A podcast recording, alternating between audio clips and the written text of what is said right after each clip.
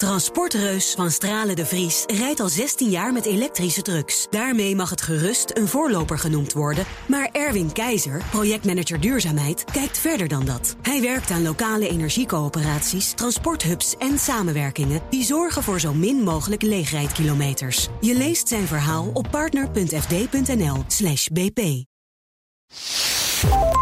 Welkom bij deel 2 van CryptoCast 301. Dit is het podcastdeel. In het nieuwsdeel hebben we het gehad over het laatste crypto nieuws. Vind je als 301a. Dit is B en we gaan het hebben over de laatste ontwikkelingen betreffende de boelmarkt. Wat er allemaal belangrijk voor is. Met uh, Marcel Burger, Chief Investment Officer bij Amdax. Hartelijk welkom. Dankjewel. Je was hier bijna drie jaar geleden voor het laatst. Ja, dat voelt als lang weg geweest. Dat ben je ook. Want je woont een tijd in Denemarken. Dat maakt het iets moeilijker. Ja. Maar uh, we hebben je weer weten te, te, strikken. Je bent terug in Nederland. Zekers. Ja, en mijn co-host is Daniel Mol. Hallo. Dag Herbert, hallo. Bekende naam, bekend gezicht, redacteur bij Cryptocast en BNR Digitaal. Voor we beginnen, het volgende. Dit programma wordt gesponsord door Bitfavo, de grootste crypto-exchange van Nederland. Waar je makkelijk en tegen lage transactiekosten meer dan 200 verschillende digitale valuta kunt kopen, verkopen en bewaren. Handel net als 1 miljoen andere gebruikers bij Bitfavo. Oké, okay, Marcel, uh, je was hier dus een tijd niet. Uh, je was in Denemarken. Wat deed je daar? Thuiswerken? Zoiets, ja. Op afstand de boel coördineren. Want je bleef ja. wel gewoon bij Amdax werken? Absoluut. Een Nederlands bedrijf. Ja hoor, zeker. Mogensbeheerder. Ja. ja, ik was ook veel hier. Uh, maar goed, het werkt uiteindelijk beter om voltijd hier te zijn. Ja. zeker als de organisatie groeit. Dus die hoedanigheid Zeker. Terug op het honk. En daar ja, hebben wij ook profijt van, want dan kunnen we Marcel weer eens uitnodigen in ja, de daarom. studio. Ja, daar profiteren ja. we nu meteen al van. En je bent daar Chief Investment Officer, zei ik al. Uh, wat doet een Chief Investment Officer? Nou, een Chief Investment Officer, uh, ook in de traditionele financiële wereld, is uiteindelijk uh, verantwoordelijk voor alle beleggingsactiviteiten. en zo ook bij Amdax. bij Amdax kennen we eigenlijk platgeslagen twee typen diensten. Uh, de do-it-yourself dienst en uh, de ik geef het het handendienst, om het zo maar even te zeggen. Dit gesproken vanuit de uh, beleggers. De yes. klanten. Dus ja. als, als je kijkt naar de, de dienstverlening die Amdax aanbiedt, dan bieden we in essentie handelsdiensten aan en bewaardiensten. dus de focus ligt echt wel op bewaardiensten en, en wealth management in general. wealth management is een wat bredere term, maar dat gaat in feite over het beheer van vermogen en het overdracht van vermogen. Dus denk bijvoorbeeld ook aan het overdragen van uh, jouw vermogen aan jouw kinderen uh, op het moment dat je er zelf niet meer bent. Uh, maar ook bij leven het actief managen van dat vermogen. Ehm, dus om even antwoord te geven op de vraag. Ja. wat doet nou die Chief Investment Officer dan? ik hou me met name bezig met de asset management activiteiten binnen dat, binnen dat geheel aan dienstverleningen. Ja, als ik het dan op mijn manier plat sla, wat, wat kopen we, wat verkopen we en wat raden we onze klanten aan om te doen? Uh, ja, niet zozeer aanraden, maar echt actief invullen. Dus dat betekent ja. in feite niets anders dan jij komt met je vermogen bij ons aan. Dat kan cryptovermogen ja. zijn, dat kan uh, fiat vermogen zijn. Hier Marcel, maak er maar meer van. Leg het bij ons neer. Uh, geef aan hoe je je risk preferences eruit zien. En wat zijn je beleggingsovertuigingen. Ja, ja, ja, ja, En vervolgens gaan we in gesprek met jou om te bekijken wat sluit nou het beste aan. Hè? We hebben een aantal verschillende producten en diensten, ook binnen de asset management afdeling. Uh, daar waar we begonnen ooit met één, ja, één smaak, hè, dus één, één type dienstverlening, uh, hebben we inmiddels een heel palet aan verschillende diensten die we aanbieden. Uh, dus de dienstverlening waar we oorspronkelijk mee begonnen was de zogenaamde discretionaire asset management dienstverlening. Dat betekent zoveel als uh, ik geef jou een stuk vermogen en jij gaat uh, voor mij dat zo goed mogelijk uh, op basis van mijn investmentovertuigingen en uh, met een stukje voorkeur die ik aan jou meegeef, ga je voor mij aan, aan het werk. Uh, dat doe je op compleet individuele basis. Dus geen enkele portefeuille aan elkaar gelijk. En dat is de essentie van discretionaire asset management. Uh, daar begonnen we mee. Daar hadden we inderdaad één smaak in. Daar konden we, hè, daar konden we wat in heen en weer inschuiven op basis van, van risico-overtuigingen. inmiddels hebben we dat palet, of die ene smaak, die hebben we, uh, uh, ja, hoe zeg je dat, uh, omge, omgebouwd naar vijf standaard smaken. Ah. maar ook nog steeds een discretionaire, in de discretionaire omgeving. En dus dat betekent dus dat je vijf basis smaken hebt, zeg maar, waar je uit kan kiezen. en dat is dan het vertrekpunt. Ja. Uh, naast die vijf discretionaire smaken hebben we ook nog de zogenaamde algoritmische uh, strategieën. Uh, volgens mij is Tim al in een ja, eerdere daar hebben we aflevering ja, met jouw collega daar meer over te vertellen. Ja, ja, ja, ja. Die heeft er toen specifiek volgens mij toegelicht hoe het, het Bitcoin Algo, de Bitcoin Algo strategie werkt. Ja. Naast Bitcoin Algo hebben we ook nog Amdax Trend. En Amdax Trend is een algoritme dat ehm, eigenlijk voortdurend in de gaten houdt hoe de prijsactiviteit van verschillende crypto-assets, uh, hoe dat eruit ziet. En op basis van die prijsactiviteit inschat, oké, nu zijn, zien we de markt kenteren. Nu gaan we langzamerhand uh, weer inschalen. En zodra dan het, het, algoritme signaleert dat er een, een top bereikt is, hè, dus het kijkt eigenlijk altijd een beetje achteruit in de achteruitkijkspiegel, dan stapt het weer uit. Ja. Ik heb altijd geleerd dat dat doodeng is en gokken en ja, ik zou het, ik bedoel, ik zou het zelf niet durven. Is het op, op basis waarvan, de, zeg maar, hoe doet hij het? Eh, op basis waarvan eh, is het. Gaat het, je, bedoelt uh, dit specifieke trend, uh, ja. anders trend? Uh, ja, het werkt op basis van verschillende trendindicatoren. dus je kan verschillende trendindicatoren uitdrukken. Vertel eerst maar eens even of je de markt verslaat. Ja. ja. dat, is een, dat is een aardige. Nee, um, we hebben daar toevallig uh, niet zo gek lang geleden zijn we daarmee naar buiten gekomen. Hè, maar de jongens, kijk, uh, het heeft, in de beginfase heeft het het niet zo heel lekker gedaan. Ah. Want laten we wel wezen, een, een, trendstrategie werkt ook alleen maar goed als er daadwerkelijk een trend is. Mm, ja, oké. Okay, ja. Dus heb je te maken met een choppy markt, hè, dus een markt die continu heen en weer beweegt, dan krijg je valse signalen naar, om, om je portefeuille te vullen, maar ook weer valse signalen om je portefeuille weer af te bouwen. Ja. Uh, zodra er sprake is van langdurige een beweging dezelfde kant uit, dat kan wel omhoog zijn of omlaag, dan pas werkt zo'n algoritme echt goed.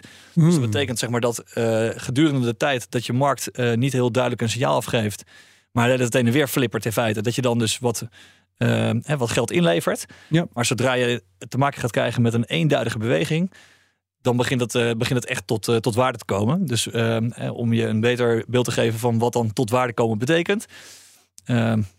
Dat is misschien ook wel een uh, leuk bruggetje naar hè, wat, hè, wat we sowieso nu in de markt zien gebeuren. Uh, sinds uh, half oktober heeft Trend het waanzinnig goed gedaan. en dat komt dus ook met name omdat de, nou, het sentiment een beetje aan, aan het keren is geweest. Ja. Specifiek in de, in de altcoin hoek. dus we hebben daar in die periode, in de eerste maand vanaf half oktober ongeveer een rendement gezien van 70 procent. en dat vind ik, ja, dat zijn wel, dat zijn wel behoorlijk stevige rendementen. Maar zoals gezegd, hè, toen we het jaar aanvingen, eh, hebben we ook wat ingeleverd. ingeleverd. Ja. En op dit moment staan we volgens mij op een uh, 20, 25 procent plus ten opzichte van het begin van het jaar. Ja, dus, ja, dan is toch mijn vraag. Ik bedoel, weet je wie het ook goed gedaan heeft? Ik, door niks te doen. dat, is, dat is natuurlijk altijd het lastige met uh, uh, ja, gewoon het vasthouden en het maar ondergaan. En dan ik bedoel, er zitten natuurlijk ook kosten aan zo'n algoritme. Ja. Dat is dan, vind ik dan aantrekkelijker. Maar dat, ja, dat is misschien... Uh... Ja, het zijn verschillende strategieën. Hè? Dus uh, ja. ik neem aan dat als je zegt, uh, ik heb het goed gedaan door niks te doen. Dat je dan bedoelt, ik heb Bitcoin en Ethereum vastgehouden. En daar heb ik... ja, Bitcoin gewoon, ja. Bitcoin alleen, dat zou ook kunnen. Uh, en dus het is misschien ook nog wel leuk om straks ja, over ja, door te gaan. Ja, wat, is nou de, wat is nou de verhouding die je tegenwoordig met je tegenkomt? Precies. Uh, maar uh, ja, als je, zeker als je het vanaf het begin van het jaar meet. Uh, begin van het jaar stond Bitcoin op zijn nou, diepte der dieptepunten, zullen we maar zeggen. Ja. en sindsdien is die koers natuurlijk waanzinnig opgelopen. Ik bedoel, we stonden toen ja, 150 dollar en nu 42k. Dus dan ja. nou, reken maar uit. Ja. 150 procent, dus ja. redelijk in de buurt, ja. Ja, ja. ja. Nou goed. Um, ik, was nog, ik wil nog één beetje de weten. Mo meetmomenten zijn dus heel cruciaal. Ja, en het blijft dus ja. onzeker uh, als je ja, dan moet je iets in kiezen. En wat je, als je het anders kiest, dan komt er ook een ander rendement uit. Dus dat is lastig. Ja. Goed, Daniel. Zeker. Nee, ik was nog één dingetje benieuwd over jouw werk als Chief Investment Officer. Welke afwegingen maak je zelf? Want het is natuurlijk heel erg. Uh, ja, kijk, het gaat volgens mij bij jullie ook verder dan Bitcoin en Ethereum. Het is, Zeker. Je bent, jij doet veel onderzoek. Ik volg je graag op dat gebied. Wat zijn zelf afwegingen die je maakt waar je je mee bezighoudt? Zit jij de hele dag whitepapers te lezen? Of hoe? ik wou dat ik daar nog de tijd voor had tegenwoordig.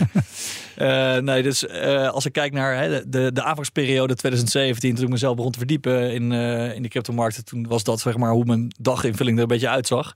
De hele dag whitepapers door, door assen. Ja.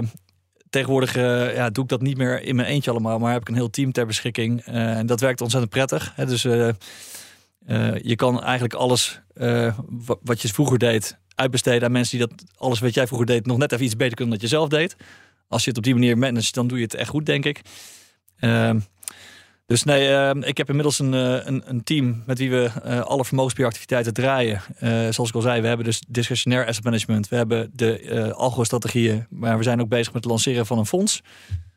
daar kunnen we net wel wat andere dingen in doen dan dat we binnen de discretionaire strategieën. En een fonds is een mandje? Een fonds is een, is een investment vorm eigenlijk. Hè? Dus je kan op verschillende manieren je investeren in de markten. Je kan, uh, je kan het zelf doen. Je kan het uit handen geven aan een vermogensbeheerder discretionair. En je kan deelnemen in een beleggingsfonds. Oh ja, Dus in dit geval is het een beleggingsfonds dat we, uh, dat we waarschijnlijk uh, in januari live zien gaan. Uh, en dat geeft ons de ruimte om net even wat andere dingen te doen. En als ik zeg wat, net even wat andere dingen, dan denk ik ook aan het toevoegen van uh, derivaten bijvoorbeeld. Ah, waarmee we, okay. dus dan heb je het over futures en opties. Uh, die mogen we niet voeren binnen onze discretionaire mandaten, maar wel binnen een fonds. Ah. En als ik het goed heb, val je daar dan onder het toezicht van de AFM, hè? Uh, ja, dat is uh, helemaal juist. Ja, Want dan, en dat is dus eigenlijk, dat is denk ik vanuit jullie perspectief slim. Jullie waren destijds de eerste die uh, bij DNB geregistreerd waren als cryptopartij. En nu gaat het AFM krijgt natuurlijk het MICAR-toezicht onder zich. Ja.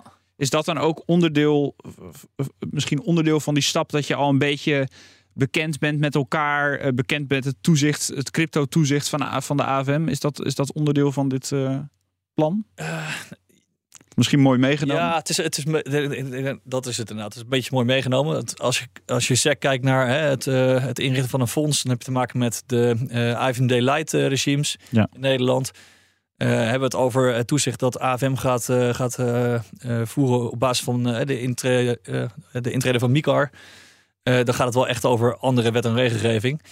Uh, maar ja, goed, het kan natuurlijk nooit kwaad om uh, uh, met elkaar in gesprek te gaan. En dat, dat doen we ook al, vanuit, met name vanuit onze legal afdeling bij Amdax.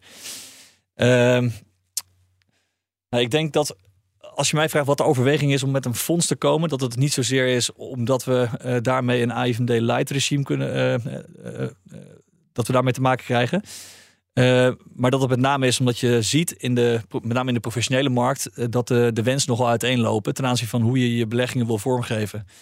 Uh, en dus in de gesprekken met private wealth managers, family offices, uh, dan merken we dat, de, dat die voorkeuren enorm uiteenlopen. Dus daar, daar waar de een prima tevreden is met een discretionair mandaat, heeft de ander sterk behoefte aan een fonds met een track record. Hè, dus dat wil zeggen, hoe lang ben je in de markt actief en heb je ehm, bewezen dat je in staat bent om die markt te outperformen.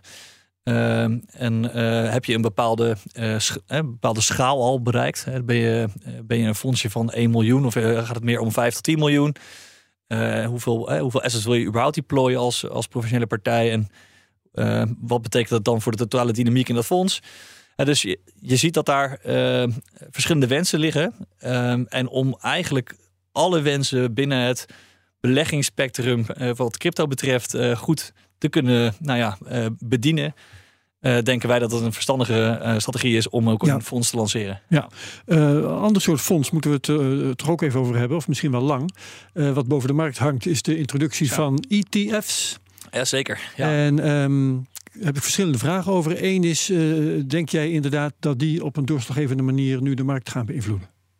ik denk dat dat nu al gebeurt, eerlijk gezegd. Ja. Uh, dus de, de, de, de, ja, de omslag in het sentiment, die hangt wat mij betreft samen met de aankondiging van uh, dat in de eerste plaats, maar ook uh, nu de constructieve samenwerking met de SEC. Ja. Dus je ziet bijna op dagbasis zie je nu berichten uitkomen dat er weer een kleine iteratie is geweest in de filing. als gevolg van feedback van de SEC op die filing als je de, nou, de, de ETF-specialisten erop uh, raadpleegt, uh, die, die geven eigenlijk in feite ook al aan dat het inmiddels een 99% zekerheid is dat die uh, eh, ETF er ook gaat komen. 10 januari. Ja, ik zit, ik zit zelf in datzelfde kamp. Dus ik, ik zie het eigenlijk niet meer als een kans. Als een kans, nou ja, als een 100%, bijna als een 100% kans eigenlijk. Hè. Ja, ja, ja. Het moet wel heel erg verschrikkelijk fout gaan ergens. dat nog dan, dan is een andere vraag. Uh, gaat dat voor jullie um, behoorlijke concurrentie opleveren? Want ik kan straks gewoon uh, nou, via de Giro of zoiets. Nou, sterker ik, uh... nog, ja, nou ja, sterker nog. er zijn al ETF's. Ja, dat is waar. Eh, Zelfs dat is ETN's, waar, ja. eh, hoe je ze wilt noemen. eh, eigenlijk in de, bijna de hele wereld zijn ze er al. Behalve op die heilige Amerikaanse markt. Ja, dat is misschien wel leuk om daar even wat langer bij stil te Ja, staan. dat bedoel Eh, ik. Wat gebeurt er nou eigenlijk? Hè? Dus we hebben, eh, als we het hebben over de overkoepelende term, dan hebben we het over ETP's, dus de Exchange Traded Products. Ja. Eh, en die kan je onderverdelen in de ETF's en de ETN's. hè, de, de Exchange Traded Funds en de Exchange Traded Notes. Ja. Nou, die notes die waren er al best wel veel, eh, in, eh, in ieder geval in Europa, voor zover ik eh, daar zicht op had. Ehm, heb. en ehm, het, het nadeel van zo'n note is dat je niet alleen zeg maar, de exposure krijgt naar de onderliggende, in dit geval een, Bitcoin of Ethereum, eh, maar ook naar de uitgevende partij een stukje kredietrisico loopt. Nou ja, dat is wat mij betreft een ongewenst side effect wat je liever voorkomt. Ehm, nou ja, bij een exchange traded fund heb je daar dus niet mee te maken. Ehm, en dan, als we dan kijken naar die exchange, eh, exchange traded funds, dan hebben we daar eigenlijk een, een, een tweedeling ook. Dus je hebt enerzijds de eh, exchange traded funds die exposure bieden naar de spot producten, dus eh, Bitcoin, eh, Bitcoin spot, Ja. Eh, of de, de zogenaamde futures. Hè, dus eh, dan heb je een derivaat zeg maar waar je exposure naar hebt. Ja. Ehm, als je dan kijkt naar de aard van dit soort eh, producten, ehm, op het moment dat je, hè, dat- om eigenlijk even de vraag te beantwoorden, zien we dat als concurrentie? Mhm. Hebben we daar last van? Ehm, ik denk het eerlijk gezegd niet. Als ik kijk naar de, de, de doelgroep eh, die eh, met name uiteindelijk dit soort producten gaat afnemen, dat, dat is een wezenlijk andere doelgroep dan die wij bedienen. Je bedoelt, het zijn de institutionele partijen. Eh, nee, niet eens. Nee, ik, ik denk dat dat. eh, ik denk wel dat er institutionele partijen zijn die ook ETF's kopen. Ja. Maar hetzelfde is bijvoorbeeld met hè, de CME futures. Zien we de laatste tijd ook eh, behoorlijk oplopen qua interesse. De CME futures zijn verkrijgbaar via de, via de kanalen die mensen al kennen. En hetzelfde geldt voor ETF's. En dus als je kijkt naar wat het mooie is van deze ETF, is dat het eigenlijk de, investi de investability eh, van Bitcoin vergroot. En dus het wordt veel makkelijker voor, hè, voor, voor onze ouders bijvoorbeeld eh, om ook die exposure eh, op een, eh, in te vullen op een manier die ze eigenlijk al kennen. Ze kunnen gewoon via de, via de brokerage platformen die ze nu gebruiken. Ja, zoals je een aandeel koopt. Exact, Precies. exact. Ja. En dan ook nog omdat het eh, volgens mij eh, van zulke gerenommeerde partijen inmiddels is. Ik bedoel, we hebben het nu dan over de, hoofdzakelijk over die van iShares, over de BlackRock ETF. Ehm, wordt het ook gewoon eigenlijk toegestaan, min of meer, om het eh, bijvoorbeeld in je pensioenpotje als Amerikaan op te nemen. Dus fiscaal voordelig eh, als een ETF kunnen opnemen in je pensioenpotje. Nou, dat is natuurlijk ook een stap die we nog niet eerder op deze Nee. manier hebben gezien. En dat is Nou, niet ja, direct de concurrentie van Amdax, maar dat heeft wel invloed op de Ja. prijs. Die hebben we gezien hè, bij, eh, met Grayscale. Want het Grayscale Trust. eh, Ja, maar dat is een hele inefficiënte, Exact. vervelende, Hele stroeve manier inmiddels geworden. Vanwege de kosten. Het was een inefficiënte manier om, eh, om daadwerkelijk in je pensioenpot wel die Bitcoin exposure te kunnen bouwen. En 2% per jaar het- kosten. Hè? Dat, Ja, eh, en, sterker nog, niet alleen 2% eh aan managementkosten, ook een, echt een hele dikke premie. Ja. Ja. Dus mensen waren bereid om tot, tot wel 50% meer te betalen voor, de exposure dan dat ze zouden kunnen krijgen via een directe spot exposure. Ja. Ehm, even terug naar, naar, die, naar die vraag. Ehm, wat betekent dat nou zo'n ETF? Ja, je koopt dus in feite eh, Bitcoin exposure en eh, straks ook, ik weet niet of dat al bekend was, eh, maar Ether is inmiddels ook al zover dat Ja, in mei ja. verwachten. En, eh, twee aanvragen geloof ik die lopen. Vier de laatste keer dat ik Vier alweer, oké. Dus, en ze volgen elkaar ook in rap tempo op. Dus Ja. die staat voor vier, dus al waarschijnlijk inmiddels ook alweer ja, pas er zeker op straks de op zee zijn. 12. Ja. Maar dat betekent in feite dat de investability van die hele hè, van crypto als een assetklasse, eh die, wordt, die wordt een stuk beter. Het wordt veel toegankelijker voor, eh, voor, eh, voor mensen die de, de cryptowegen zeg maar liever niet bewandelen. eh, of dat niet mogen bewandelen. Dus dat is één. En twee, denk ik dat deze hele eh, dynamiek, eh, die leidt er ook toe dat crypto als een assetklasse eh echt serieus genomen gaat worden. Ja. Eh, want je zit niet alleen met eh, de grote eh molochen van, deze, van deze aarde die eh, nu in één keer een stamp of approval erop zetten, maar ook de regelgever die dat doet. Dus je hebt vanuit twee kanten heb je in feite nu een bevestiging van dat dit een nieuwe assetklasse is en dat die hier te stay is. Ja, nou, zie je dat zo? Want ik, als Absoluut. ik even mijn kritische pet opzet, dan, en ik bedoel, ik ben- denk ik met je eens hoor, maar eh, zo- zo'n BlackRock bijvoorbeeld, die, ik denk dat die vooral markt ziet. Die ziet gewoon een ETF. Oké, dat gaat waarschijnlijk werken. Nou, dat het, terecht, want iedereen uh, plast in zijn broek van de spanning. Zo leuk Zoals vinden. Jamie Dimon ook zegt, die klanten willen het. Dus ja, precies. Ja, en, de, uh, en, en dan hoeft het helemaal nog niet een soort endorsement te zijn van Bitcoin. Dat BlackRock per se iets hel in Bitcoin zien. Nee, maar zo wordt het wel gepercipieerd. Ja, het nou geloof zeggen, kijk, als, we, als we nu kijken naar de, naar de uitspraken van Larry Fink, hè, dus de CEO van BlackRock, die zegt nu gewoon op CNBC: jongens, Bitcoin is digitaal goud. En ik adviseer de hele wereld om, uh, om een stukje exposure in je portefeuille op te nemen. Maar dan het liefst met zijn eigen ETF. Uh, waarschijnlijk wel. Ja, ja, ja. Ik bedoel, dus al, dat, dat vind ik altijd zo moeilijk aan. Ja, dat onderscheid dat is wel interessant. Ja, de, de vraag is, vindt hij dat oprecht? of zegt hij dat alleen maar omdat hij hè, zijn, zijn eigen producten wil slijten? Ja, en dus dan vraag ik met jou, met je eindeloze ervaring in de, ook, ook de traditionele financiële wereld volgens mij. Heb je, is, is dit een endorsement van zo'n gigantisch uh, vermogensbeheerder als BlackRock? Of is het ja, toch opportunistisch. Net zoals dat ze nu die Ethereum ETF hebben aangevraagd. Dat is natuurlijk groot nieuws.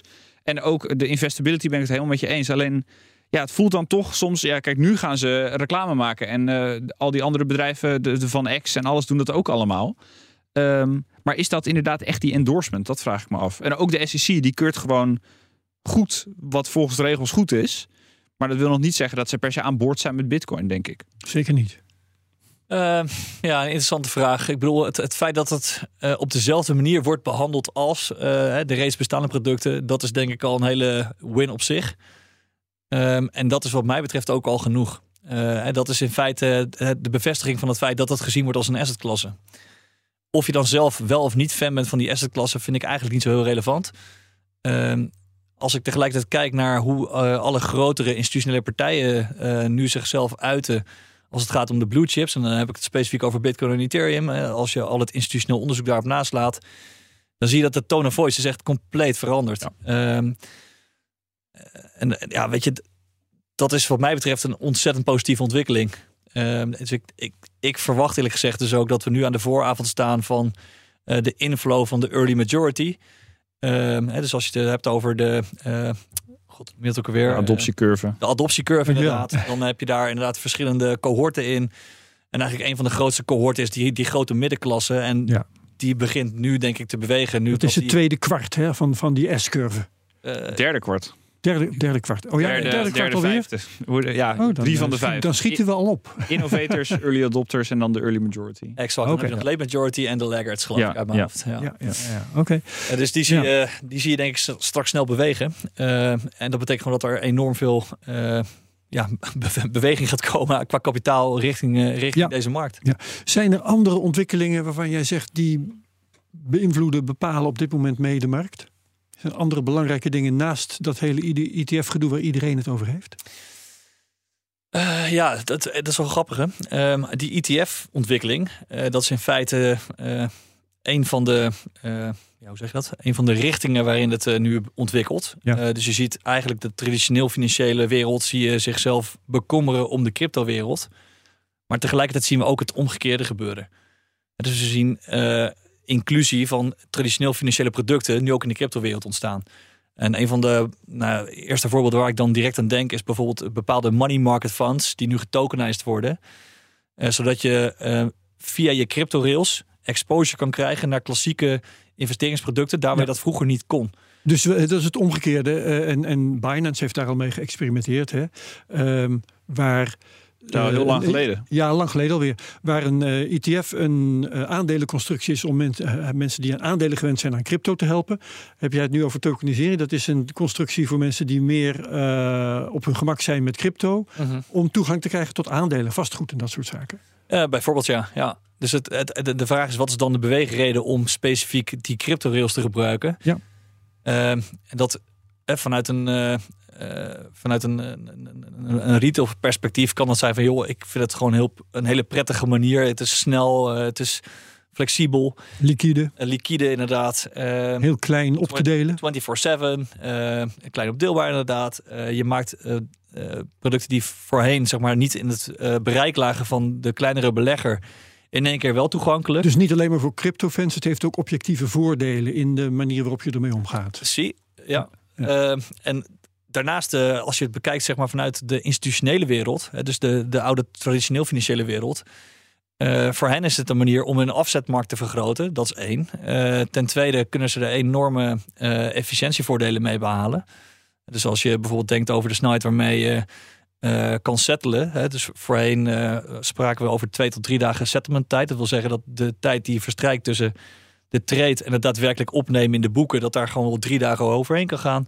Ja, die reduceert nu in feite van, van, van drie dagen naar naar nul. Een microseconde, ja. Uh, dus dat is één. Uh, maar daarnaast kun je ook een hoop doen met de data, zeg maar. Dus je kan een hoop metadata meegeven aan al die transacties, die vanuit de rapportageoogpunten de, de, de wereld weer een stukje makkelijker maakt. dus er zijn Kun je daar een voorbeeld van geven? Daar heb ik niet direct een voorstelling van. Ja, god, een concreet voorbeeld.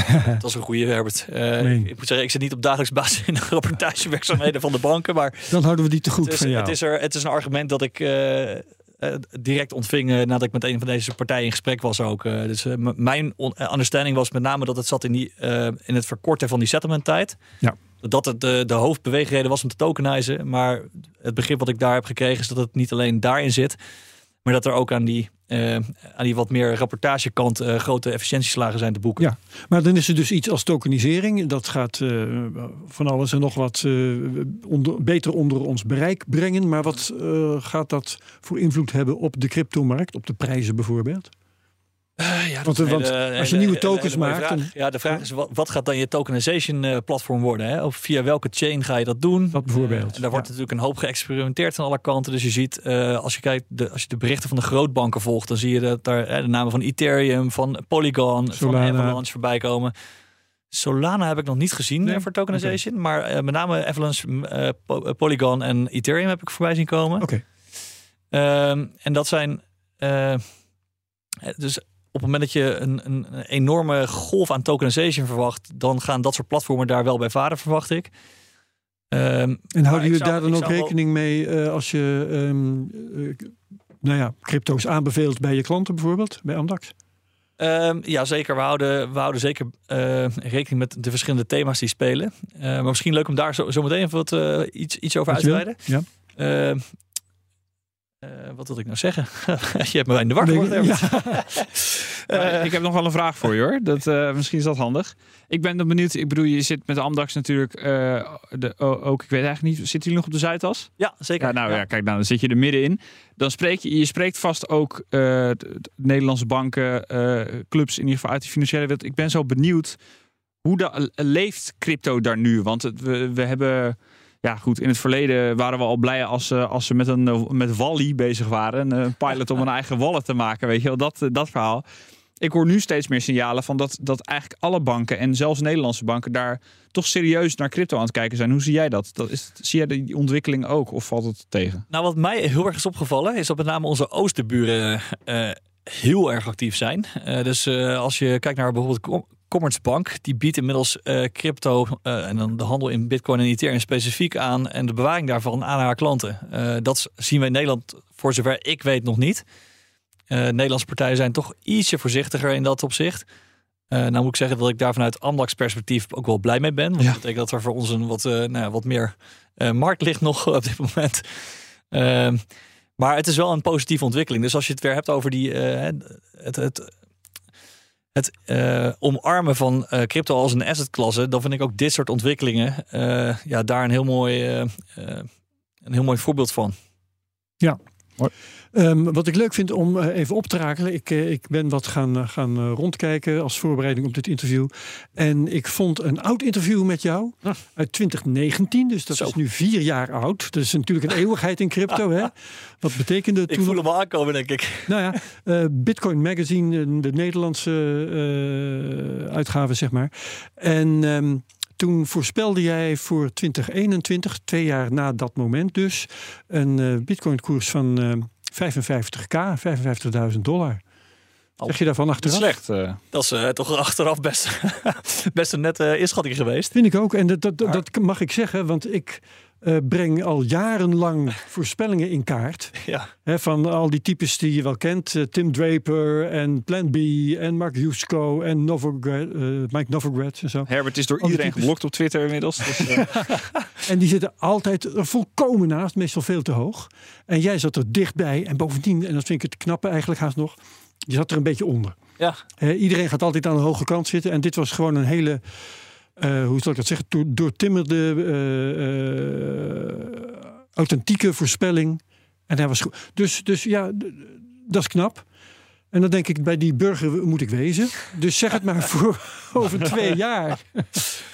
Oh ja, En de- nee, ik zeg band hè? altijd. En dat is het, het grappige is, volgens mij, om het even in perspectief te plaatsen. Hm. Volgens mij was dit artikel uit 2019, hing dat samen met het stock-to-flow model destijds, eh, denk ik. Dat kwam daar ook in aan de orde Ehm, natuurlijk. Ja. En Het ging niet daar speciaal daarover of zo. Nee, en vol- volgens mij ben ik toen inderdaad ook gevraagd, los van, van het hele model waar ik verwachtte dat het heen zou gaan. En ik kan me inderdaad herinneren dat ik eh, een dergelijke koersdoelen wel genoemd heb. Was, Ja. was 55k ook niet een beetje het eerste doel van het eerste, allereerste stock-to-flow model? Voordat de Twitter-volgers bij Plan B eh, begonnen binnen te Exactly, stromen. En, ja, eh, dat, zoiets staat mij ook bij, ja. Ja.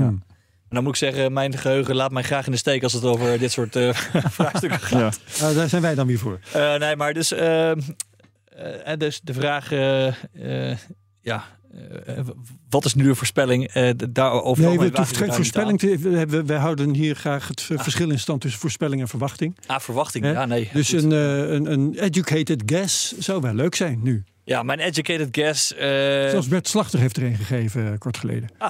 Oh, Ja. dan ben ik wel benieuwd. eh, Nee, dat wat, ga je eh, niet vertellen nu natuurlijk. ik, Eerst je eh, eigen. Dat is eh, educated guesses met voorkennis dan. eh, die, die, die comfortabele stoel had ik kunnen zitten. Ehm, nee, ik, de- ik denk eh, dat we, nou ja, wat ik al zei, ik ben heel erg bullish op eh, de komende jaren. Mhm. Ehm, en dat heeft met name te maken met eh, ten eerste dus die, die investability die een stuk beter wordt. Ja. Maar ten tweede ook, en daar hebben we het helemaal niet over gehad nog, eh, de Great Wealth Transfer. Hè, dus eh, de, de vermogensverplaatsing van eh, de generatie boven ons naar onze generatie. Mhm. En de investmentvoorkeuren van die verschillende generaties. En dus als je kijkt naar de investmentvoorkeuren van de generatie boven Ja. ons, die wijken extreem af van de investmentvoorkeuren die mijn generatie heeft. Ehm, en als je dan kijkt naar waar de, de, de grootte van dat vermogen zit, ja, dat zit hoofdzakelijk nu eh, bij die generatie boven ons. Ja, en het zit Eh. in aandelen en spaargeld en obligaties en dat Ja, soort juist. Ehm, materiaal. En als je dan bedenkt dat eh, die hele golf aan kapitaal op gang gaat komen. En dat die investmentvoorkeuren naar, eh, van de partij naar waar dat kapitaal heen gaat. eh, dat die in het, eh, nou ja, eh, in het voordeel zijn van, eh, van crypto. Ja. Eh, dan kan je wat mij betreft verwachten dat je dat, eh, dat, je dat wel terug gaat zien in, eh, in, de, in de koersen ook. Ehm, om dat wat meer concreet eh, te maken. eh, nou ja, als je mij vraagt waar het heen gaat, eh, ik sta er niet raar van te kijken.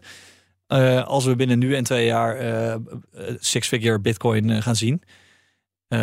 Dat vind ik nog vrij conservatief om dat zo te Saai zeggen. zeg maar. Ja. ja, ik Nee, moet natuurlijk een goed, heel beetje voorzichtig zijn in mijn uitingen. Eh, maar, maar ik vind dat wel, wel benieuwd, eh, tenzij je nog je voorspelling wil afmaken. Maar ehm, d- we hebben nu zeg maar, er zijn volgens mij 420 miljoen crypto gebruikers wereldwijd in 2023. Eh, ja, dat is denk ik iets van eh, 4% van de wereldbevolking of zo, heel weinig. Hoe, de, eh, waarom geloof jij dat als, er, als de generatie zeg maar babyboomers en daarboven doodgaat en hun geld eh, achterlaten aan hun, aan hun kinderen en zo, hoezo verwacht jij dat dat, dat dan allemaal naar crypto gaat? Zou ook naar aandelen Tesla kunnen gaan. Nou ja, goed. Uiteindelijk gaat het eh, na- natuurlijk naar verschillende, Ja. eh, eh, naar verschillende assets toevloeien. Eh, maar als je kijkt naar de, hè, de, de mate waarin nu millennials en eh, boomers, babyboomers, eh, eh, in, nu te maken hebben met crypto, dan heeft eh Ja. pakken met 4, 5 procent van de babyboom generatie heeft crypto in bezit. Eh, tegenover 45, 50 procent eh, van de millennial generatie. Wauw. Ja, ja, ja. Dus die, die, die appetite eh, is gewoon tien keer zo groot. Dus als je dan bedenkt dat dat vermogen gaat verplaatsen, ja, ik zeg niet dat ze al dat vermogen in crypto gaan steken, Nee, nee, maar nee. een substantieel deel daarvan gaat geheid eh die cryptomarkten ook in. Ja. En ehm, we spreken nu nog over cryptomarkten en traditionele assets, maar ik denk dat dat sowieso eh, dat dat helemaal in elkaar gaat overvloeien. En dat, dat zal ongetwijfeld nog iets langer duren dan, eh, dan één of twee jaar. Ja. Eh, Ja. Toen ik destijds bij eh, mijn voormalige werkgever vertrok in 2017, toen had ik al de, eh, nou, het idee dat de introductie van smart contracting platforms, dat die ertoe zouden leiden dat die twee asset, eh, of die twee werelden, dat die in één zouden vloeien. Die visie die heb ik nog steeds. Dus ik denk nog steeds. Maar het is nog niet gebeurd. Nee, het is, maar je ziet het nu wel langzamerhand gebeuren. Dus het Ja. feit dat je nu dus te maken gaat krijgen met enerzijds tokenization, dus het, het creëren van een, een soort van blockchain kopie van je asset die je aan de andere kant eh, van de schutting hebt liggen. hè, dat, is, dat is één vorm van tokenization. Maar je hebt ook te maken met compleet native uh, traditionele assets op blockchain. Zonder dat er nog een, een digitale of een, een, een fysieke twin bestaat, Ja. zeg maar. Ja, assets die geboren worden tokenized. Exact, Ja, exact. ja, Ja, ja. en, ik, ik verwacht dat dat uiteindelijk zeg maar de, de mainstream gaat worden op den duur. Dus dat je te maken gaat krijgen met, eh, ja, noem het maar crypto equity, eh, crypto bonds eh, en, en, en, het ja, native crypto verhaal. Ja. Dus crypto tokens. Ehm, maar dan, dan, dan zeg je dus eigenlijk dat de stijging in, eh, in de belangstelling en het gebruik en dus ook, laat ik gemakshalve zeggen, gemakshalve zeggen, de prijs, dat die ook wel wat langer gaat voortduren dan nog twee jaar. Ehm, ja, in, in de large scheme of things, ja. Eh, ik denk wel dat we nog steeds wel te maken gaan krijgen met cycli. Ja. Nou, dat was trouwens ook een vraag. Dat geloof je inderdaad. Want Mark van der Scheijs was al heel verrast dat, eh, dat we de afgelopen boelmarkt kregen. Right. Die had hem nu al niet meer verwacht. Nee, ik, ik denk dat die, dat die wel, hè, die, die dynamiek blijft. Hè, die de dynamiek van app en vloed, die, die blijft gewoon komen. Maar de, de heftigheid waarmee dat gebeurt, die gaat wel, denk ik. Ja, want we hebben die curve, je kent wel die logaritmische eh, curve van de stijging van de bitcoinprijs. Hè? Die eh, vlakt af. Dat Mhm. je denkt dat dat wel zo doorgaat, die Ja, kijk, afvlakking. het dus eigenlijk heb ik, ik denk in, het afgelopen half uur, ik weet niet hoe lang inmiddels wel 35 in minuten. eh, hebben we het gehad over de, de mainstreamification eigenlijk van, van Ja. crypto assets. Ja. En, eh, ik verwacht persoonlijk eh, dat door die mainstreamification en, en het, eh, ja, het, het meer institu- institutionaliseren van crypto als een assetklasse, dat daardoor ook de volatiliteit eh, langzamerhand eh, nou ja, eh, naar de achtergrond gaat verdwijnen. Met name voor de blue chips. Eh, en, de, en die mate van volatiliteit die we nu zien bij de blue chips, die zal ja, bij de, bij de eh, midcaps en eh, small caps zal die nog wel zichtbaar blijven, vermoed ik. Ja. Ja. De shitcoins noemen we dat. Ja, onerbiedig Nee. gezegd, de shitcoins zijn absoluut. Eh, Your words. Nee, maar en, en eh, ik, ik vind dat ook van die, van die, zeg maar, dat, dat we van de cycles afgaan, vind ik ook altijd een beetje een moeilijke. Want in traditionele financiële markten heb je natuurlijk Heb je ook gewoon cycles. Ja, ja, en ja, ja. eh, daar verliest eh, een Nasdaq ook gewoon eh, rustig 60, 70 procent als je niet oplet. Ja. Ehm, dus ja, dat is. En als je wel oplet ook.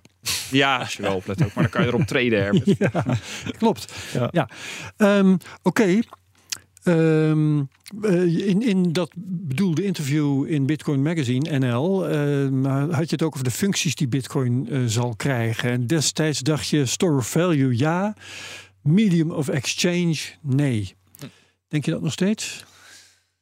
Ja, depends on where you live. Taalmiddel. Ehm, ik denk dat, er, dat het heel erg afhankelijk is van waar je je begeeft op deze wereld. Eh, ik denk eh, dat er genoeg eh, eh, omgevingen zijn waar Bitcoin daadwerkelijk als een betaalmiddel wordt gebruikt. Ja. Ehm, tijdelijk, en maar ook als een oproepmiddel daarmee dus. Ehm, zie ik dat in Nederland heel snel gebeuren? Nee, niet noodzakelijkerwijs. Nee. Eh, behalve dan als je de overtuiging hebt dat je, dat je vermogen beter beschermd is eh, door bitcoin aan te houden dan eh, door het eh, in fiat weg te zetten, bij, bij wijze van spreken. We hebben het ook niet nodig. Voorlopig. Als betaalmiddel nee. Nee, we hebben genoeg daar betaalmiddelen. even over uit. Hè, dus ehm, ik zie het in die zin. Hè, er, er is veel gesproken over eh, Bitcoin als een inflatiehedge. eh, vanaf ik denk 2020 uit mijn hoofd. 2000, nee, 2021 Mhm. volgens mij was dat het. Eh, Ja, toen 20, Nou, het- maar- eerder kwam het ook al wel ter sprake hoor. In de CryptoCast hebben we het van het 2020, begin af aan. 2020 begon de, was, kwam natuurlijk COVID en toen gingen zeg maar ook de alle stimuleringspakketten en zo gingen van start. Dus dat was denk ik Ja. ook een beetje het begin van het narratief. En volgens mij had je toen ook die, eh, die investment letter van Paul Tudor Jones eh, Ja. vanuit de Global BVI Macro Fund. eh, Ja. Die eh, daar ook zeg maar Bitcoin uiteenzette naast allerlei andere verschillende assets Ja. eh, om je inflatie te hedgen. Eh, ik denk Bitcoin als een inflatie hedge, daar geloof ik persoonlijk niet zo in. Ik geloof eerder in Bitcoin als een debasement hedge. Hm. Eh, dat is een currency debasement hedge. Dus dat is net wat een wat, wat beperkter narratief dan Oké. eh, zeggen van nou, ik verwacht dat. de- Dus om niet afhankelijk te zijn van de grillen van valuta. ja, Waarmee je en de ene de- volatiliteit voor de andere inlevert natuurlijk. Ja, en, met- en met name de, de manipulatie van die valuta. Aha, oh, er zijn mensen die vinden dat bitcoin eh, heel makkelijk gemanipuleerd kan worden. Ja, de, de, de prijs wel eh, tussentijds misschien, maar eh, de, de totale supply niet. Want die ligt vast. Nee, dat is waar. Ja, ja, ja, ja. En ik, daar zit mijn, eh, daar zit mijn eh, view met name. in Ik- die hoek. Ik wil heel even, je hebt het, we hebben het veel over de blue chips gehad, zoals je dat eh, mooi noemt. De Bitcoin en Ethereum. Super interessant. Klein, het is een beetje Ethereum, maar ik wil het hebben over NFT's eigenlijk heel gra- graag. En de, lu- de luisteraar strikt zich een hoedje natuurlijk nu. Eh vrees Over niet. shitcoins gesproken. Ehm, nee, ja, eh, in 2021 hebben we natuurlijk de, echt een hele eh, de heftige markt, hele, echt een hype gezien daarover. En dat de, de mensen gingen voor, voor een plaatje van een steen gingen ze geld betalen. Ja, de Ether Rocks. Ja, Ja. ehm, jij was daar altijd ook mee bezig. Ehm, en, en, en nog steeds op een, maar wel op een, op een serieuze manier. eh, Zeg maar, met andere woorden, je, je ziet er wat in. En je kan het ook uitleggen waarom, je er waarom je er wat in ziet. En ik was laatst eh, de nieuwe podcast van Amdax gaat luisteren, waar jij dus eh, ook even ging vertellen over je eigen collectie. En dat je, dat je daar nog een visie op had. Dus ik bedacht, ik bedacht me, ja, hier, dit is eigenlijk al anderhalf jaar dood. En het eh, volume van OpenSea is eh, min 99% volgens mij, de omzet. Ja, het is, eh, ze hebben wel, wel behoorlijk een tik gehad. Ja. Maar dat, die is tweedelig. Hè? Dus daar gaan we meteen wel de diepte in. Eh, eh, de hele NFT-markt die werd eigenlijk gedomineerd lange tijd door OpenSea. OpenSea was Ja. het handelsplatform waar je NFT's kon kopen en verkopen. Eh, daar kwam, eh, moet ik even nadenken, volgens mij eind 2020, begin 2021. Eh, of, nou, de timeline heb ik niet helemaal scherp. Kwam daar Blur in één keer met een zwaar agressieve marketingcampagne om, de, om alle handelsactiviteiten naar zich toe te trekken. En die zijn er, als ik daar nu naar kijk, goed in geslaagd. Eh, zij hebben op dit moment 80% van de volumes eh, in handen. Eh, daar waar OpenSea nog eh, het met, met een lousy 20% mag doen. Ja, goed, die NFT-markt eh, die heeft net zo goed als eh, de hele cryptomarkt te maken gehad met een, eh, met een zware kentering in het sentiment. Eh, en dus daar waar de, eh, de, de grote, om het maar zo te noemen, de blue chips onder de NFT's. Eh, dus daar hebben we het over, over de, de, eh, de CryptoPunks eh, bijvoorbeeld. Ehm, die, ook die collecties hebben best wel lange tijd eh, weinig activiteit gezien. Eh floor prices bleven redelijk liggen. Dus dan eh, moet je toch wel denken aan 45 tot 50 ether voor één plaatje. Nou ja, eh, de prijs van ether heeft natuurlijk bewogen. Volgens mij de low, wat hebben we gehad? 1200 dollar uit mijn hoofd. Ja, het is wel duizend geweest hoor. Duizend zelfs. Ja, vlak nou. bij de duizend. Of waar waren dat Ja. euro's? Ik weet niet meer. Maar goed. dat zal wel waarschijnlijk euro's zijn 1100 eh, geweest. toch wel, ja. Ik had 1200 dollar in mijn hoofd zitten. Oké. Ehm, maar dan heb je nog steeds over 50 tot 60.000 dollar voor een plaatje. Ja. Nou ja, Bizar. daar kan je van alles van vinden. Ja. Wat ik daarin zie is eh één, eh, mensen die op zoek zijn naar een statussymbool dat ze eh, verder dan alleen maar de oprijlaan kunnen bewegen. Dus denk bijvoorbeeld aan de mate waarin je nu NFT's in je Twitter-omgeving geverifieerd kan laten zien dat je, dat je ze bezit ook. Dus op het moment dat je, ze, dat, je dat enabled zeg maar, in Twitter, kom- komt er een speciaal randje om je plaatje heen, zodat je Ja. ook kan laten zien dat je daadwerkelijk dat ding bezit. Ehm, ten tweede zie ik het ook als een, als een stuk ja, community building, zeg maar. Dus onderdeel kunnen zijn van een bepaald groepje. Eh, en dat heb je in allerlei soorten en maten. Ehm, en ja, ik denk, ik denk dat zijn wel, wat mij betreft, zeg maar, vanuit, eh, als we het hebben over de NFT-plaatjes, zeg maar, de grotere collecties. Dat zijn de voornaamste use cases. Dus enerzijds dat stukje statussymbool en anderzijds dat stukje ergens toe behoren. Ehm, Maar ik vind het zo'n, ik vind het zo'n contrast, want jij bent. Eh, ja, ik heb je toch hoog zitten en we hebben het net over blue chips gehad en de mainstreamification van crypto En en, en, de tokenisatie en weet ik veel wat. Gewoon de grote banken aan de slag en dan zie ik jou tweeten over dickbuts. ja, grappig is dat, hè? Ja, Ja, Maar ik de- moet zeggen, daar, daar heb ik ook best wel eh, vaker wat pushback op gekregen Ja. intern. Hè? Dus mensen vinden dat ook, ja, die ervaren dat toch wel een beetje als Ja. storend. ja nou, dat weet ik niet. Eh, zit nog niet in het aanbod van Ambax, Ambax begrijp ik. Nee, absoluut niet. Nee.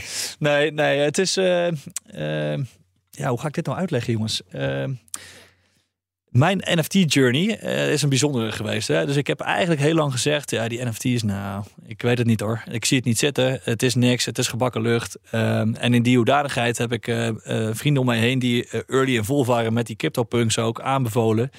Om afscheid te nemen tegen best wel mooie bedragen. En die mooie bedragen bleken achteraf een fooi, een fooi te zijn ten aanzien van de, de realisatie die ze hebben doorgemaakt. Oeps. Eh, ja, dus eh, ook op dat, op dat vlak kan je gewoon fout zitten met je, met je, eh, met je inschattingen. Ehm, maar wat ik daar zelf uit mee heb genomen is de, de, de manier waarop ik zelf eh, in 2016, 2017 naar, eh, naar, naar crypto keek, was eigenlijk vergelijkbaar. Ik, Ja. ik deed het bij voorbaat al af als waardelo- waardeloos, niet interessant, niet mijn tijd waard. En ik had het zelf, exact diezelfde gedachtegang bij, met NFT's gehad. En toen had ik zoiets van, ja jongens, dit, ik, kan, de, ik kan dit niet, uh, dit, dit, is niet, dit is niet de manier. Ja. Uh, dus heb ik voor mezelf besloten om daar wat meer open in te staan. In plaats van het meteen af te schieten, te kijken naar wat betekent het nou eigenlijk, wat kunnen we ermee. en dat reikt wat mij betreft ook veel verder dan alleen maar die, die plaatjes, hè, die, die collecties waar, waar ze met name om bekend zijn geworden. Uh, voor mij persoonlijk, om even een vraag te geven, concreet op, de, uh, op jouw vraag, Daniel, van wat, wat, wat moet je nou met die dickbuds? ja, ja, die kwamen destijds op als een soort van tegengeluid. Dus we hebben in die hele NFT-wereld hebben we een enorme, enorme inflow gezien van echt de meest debiele, domme plaatjes. Ehm, en ehm, het leuke van, van, van, dit, van deze serie was dat ze ze berusten echt maar op een, op een internetgrap. Een internetgrap uit volgens mij 2004 ongeveer. Um, en uh, het was op destijds de enige collectie die zei... Ja, hè, krijg het lekker heen en weer met, uh, met je roadmaps en uh, al je waardeloze commerciële beloftes. dit, is, dit is gewoon puur bedoeld als grap en daar mag je het mee doen. Nou, dat, dat was voor mij was dat gewoon echt meteen boelzaai. Ik, uh, ik zag dat ik van ja, dit, is, dit vind ik gewoon mooi. Ik vond die naam al alleen al eh, super, eh, super lachwekkend. Die plaatjes waren nog, nog, meer stupide. En uh, ja, even voor de beeldvorming. Destijds kocht je zo'n plaatje voor 150 dollar. Dus ik had s ochtends wel wat uit te leggen bij het ontbijt aan mijn vrouw. Toen ik uh, mocht vertellen dat ik voor 1000 dollar wat, wat piemelplaatjes had gekocht. Ja. Um, maar het leuke, het leuke daarvan is uiteindelijk, uh, dus ook daar heb je te maken gehad met een, met een community. En als ik nu kijk zeg maar, hoe die community zich ontwikkeld heeft, je, je, eigenlijk alle grotere namen uit de crypto-industrie zitten in die community. Dus ik denk aan een Melton the Mirrors, en Arthur Hayes. Hè, dus Arthur Hayes is uh, de, de, de, de voormalige CEO van Bitmax. Uh, ja. Melton the Mirrors, grote namen uit de States ook. Ja. Um, en eigenlijk, dit is ook wel een terugkerend, een terugkerend dingetje van, hè, wat, wat brengt je hier nou eigenlijk? En uh, wat het voor mij doet, persoonlijk, en dus dit is even in mijn rol ja. als Marcel, niet als CIO van Abdax. Alright. Uh, dan laat ik dat even heel duidelijk benadrukken. Uh, het is voor mij een soort van manier om stoom af te blazen. Het is een, zeg maar, het is één grote joke. en laten we wel wezen, mijn werk als investment officer is ontzettend serieus. en ik vind het echt een heerlijke manier om eh, te kunnen grappen en gollen met mensen die zichzelf niet al te serieus nemen. is het een beetje de, de, de meme coin, de Dogecoin van, ja, van de NFT? Nou, ik zie het persoonlijk als een betere manier, uh, of een beter, ja, hoe zeg je dat? Memes, daar heb ik ook dat heb ik verkeerd gezien trouwens. Zijn ook heel erg internet, hè? Van, uh, Precies. Fuck it. Dus uh, memecoins uh, zijn uh, ook een beetje voor de grap geissued. Ook daar zie je complete grote communities uit, uit het niets dat, ontstaan. Dat wil ik wel tegenspreken. Want okay. ik moet zeggen, de, de memecoin en het Dogecoin is natuurlijk al heel oud. Of een stuk ouder, echt uit de tijd van nou, dat, dat ja, Litecoin en zo begon. Zo, ja, ja, nog, nog eerder, denk ik. Ja, ja, ja. Um, dat is dan echt begonnen als grap. Maar alle memecoins die daarna kwamen, dus de Shiba Inus en zo... Ja, dat, dat zijn misschien niet volgens de exacte definitie, maar gewoon piramidespellen waar een deel, in elk geval. een deel van, de, van de opbrengst, een deel van, de, van, de, van je aankoopbedrag gaat naar een marketing chest. En daar kopen ze afbeeldingen van op trams. Ja, dat vind ik, dat vind ik geen memecoin meer. Dat vind ik gewoon een verdienmodel ja. over de rug van een internetgrapje. Ja, die snap ik wel. Ik snap dat perspectief snap ik wel. 2013 uh, Dogecoin. Ik, ik ja. denk dat ik denk dat dat ook inderdaad waar is voor laten we zeggen 99,9% van alle memecoins die, uh, ja. die er op dagbasis uh, ontstaan. Want ze, dat, dat hele feest blijft gewoon doorgaan. Uh, zo zijn er bijvoorbeeld ook memecoins met de, met de ticker Bitcoin. Hè, dus uh, Oh ja. Uh, ze, nou ja, je kan en Char Charlie het... Munger coin onlangs. Hè, die, Ach, de, ja. Henry Kissinger coin. Uiteraard. Daar komt ja. geen einde aan. Zeg maar. Dus die creativiteit daar die is oneindig. Uh, maar de maat van oplichting net zo hard. Ja. Uh, wat je wel ziet ontstaan is dat er een aantal van die, van die initiatieven... die ontwikkelen zich door eigenlijk, zou je kunnen stellen. Um, ik heb daar vanochtend toevallig met het team nog over gesproken. Toen zei ik van ja, je hebt gewoon bepaalde meme coins die zich doorontwikkelen tot een soort met van community coin eigenlijk. Uh, waar hele legers aan mensen zich uh, achter scharen. Uh, maar is toch niks voor Amdax? Nou ja, dat is, dat is een hele terechte vraag. en dus uiteindelijk, als je mij vraagt, vind ik dat ik meme coins zou moeten opnemen in de portefeuille van mijn gemiddelde klant. Ehm, dan zou ik op dit moment met het kennis van nu zou ik zeggen: nee, ik denk dat dat geen goed idee is. Tenzij de klant specifiek aangeeft dat hij dat heel graag wil. Moeten we dat beschikbaar stellen? Ja, dat hangt. Ja, ja ik denk het wel. Uh, moeten we dat oneindig beschikbaar stellen? Nee, dat denk ik niet. Uh, hè, dus er zijn bepaalde coins uh, die inmiddels zeg maar zichzelf nou ja, hebben opgewerkt naar hoe zeg je dat? Ja, noem het maar de blue chips onder de meme coins. Ja laten we de namen, uh, laten we niet bij naam en toenaam noemen, maar er, zijn, er zijn er een aantal die dusdanig, uh, dusdanige marktaandeel hebben bereikt dat je ze op die manier zou mogen zien. En wat ik daar ook nog wel bij, bij wil meegeven is dat er ook memecoins zijn, zoals bijvoorbeeld een Dogecoin, die niet alleen maar zuiver per se memecoin zijn.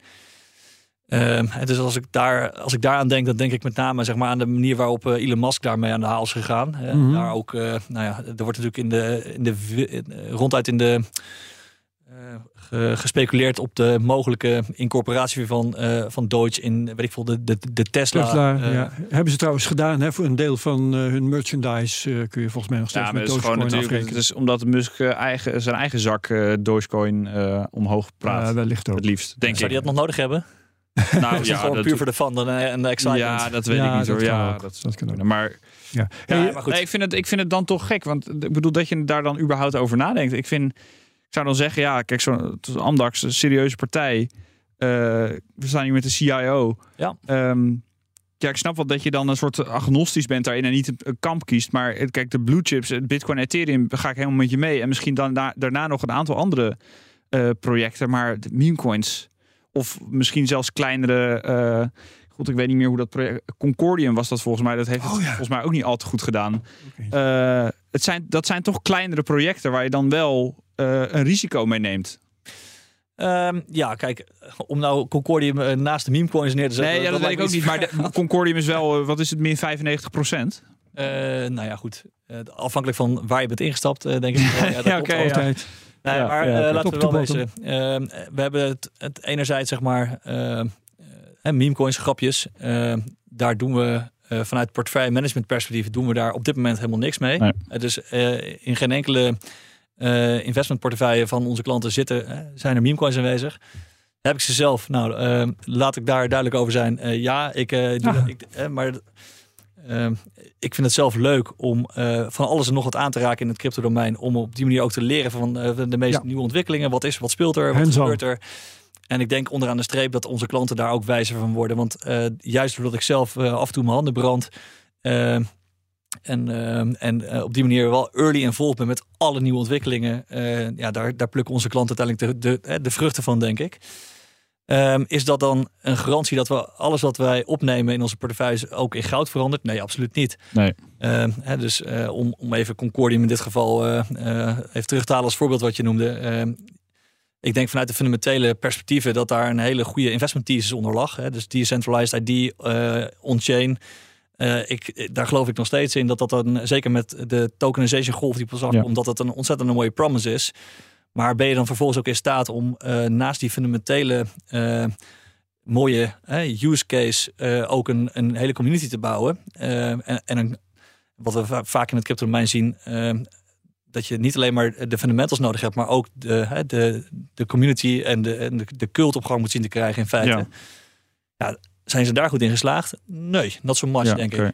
Ja. Maar dat is dan, dat vind ik dan meer, uh, uh, dan houden we erover op hoor. Maar dat vind ik dan meer, zo'n zo'n project vind ik dan meer het territorium van een Maven 11.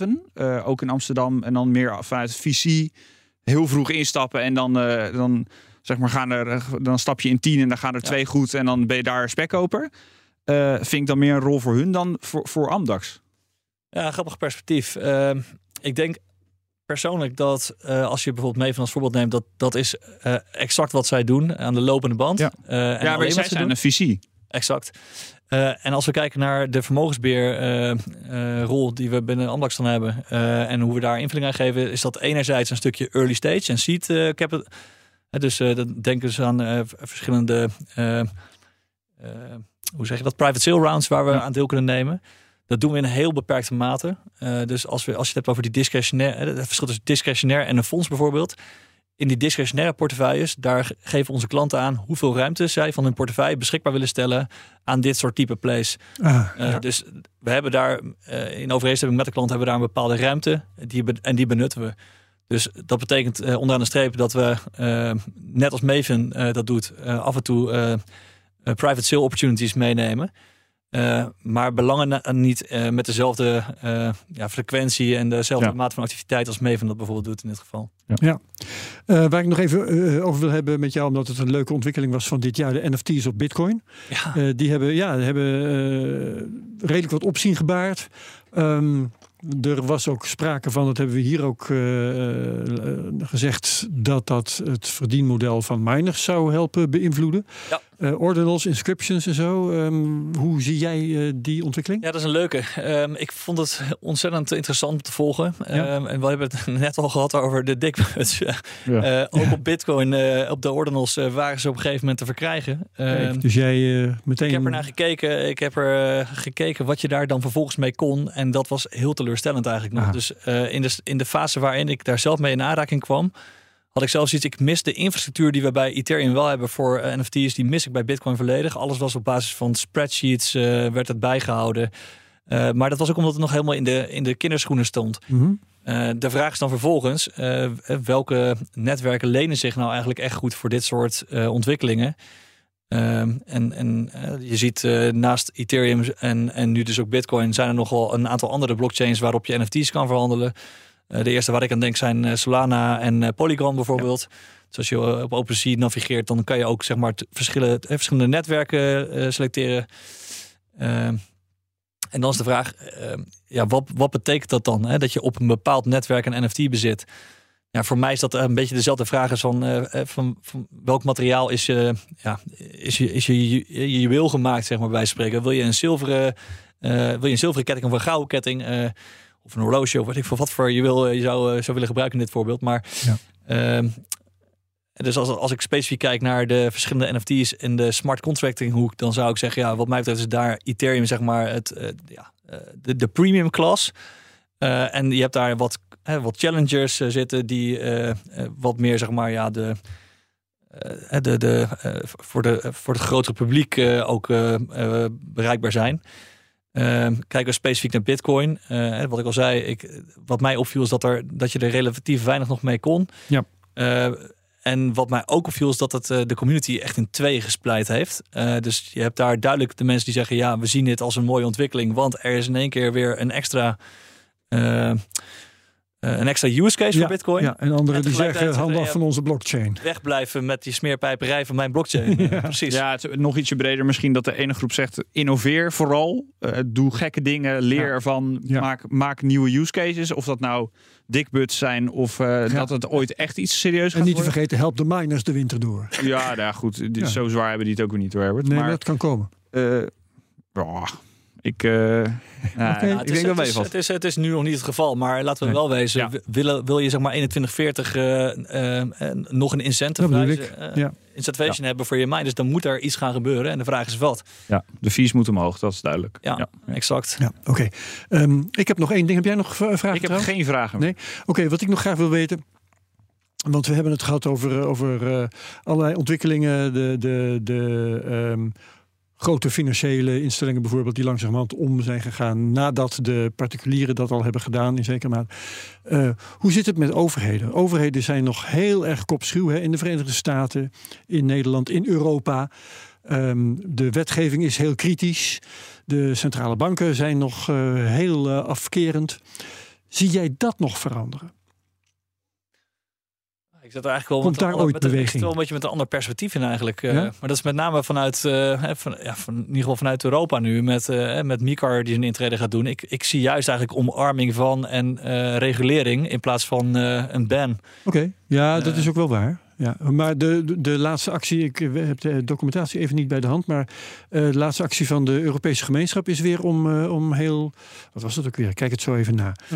Maar, een, een, een, positie, een kritische positie op te nemen, uh, in te nemen ten opzichte van bitcoin mining. Dat ja. circus begint weer. Ja. Maar daar zag ik vandaag ook iets over ja, voorbij komen. Maar dat, moet, dat moet zich nog even uitkristalliseren. Ja, volgens, volgens mij. las ik daarover dat het met name gebaseerd was op hele oude rapporten. Die Daniel al Betten die twitterde daar heel waarschuwend over. Ja. Dat daar lang ook het tegendeel van bewezen was. Uh, ja, het ging over de, de bitcoin uh, energiegebruik per transactie en dat, ja. soort, uh, dat soort dingen. Nou goed, dat ja. hebben we al een tijdje geleden naar de prullenbak verwezen. Maar, ja. maar je moet, elke keer moet je dat, de commissie en het parlement weer bewerken om allerlei misvattingen de wereld uit te helpen. Ja.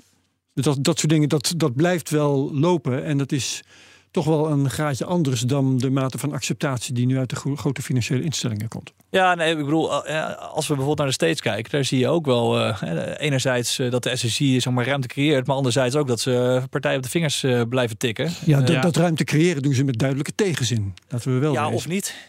dus ruimte creëren voor de juiste partij in dit geval. Mm -hmm.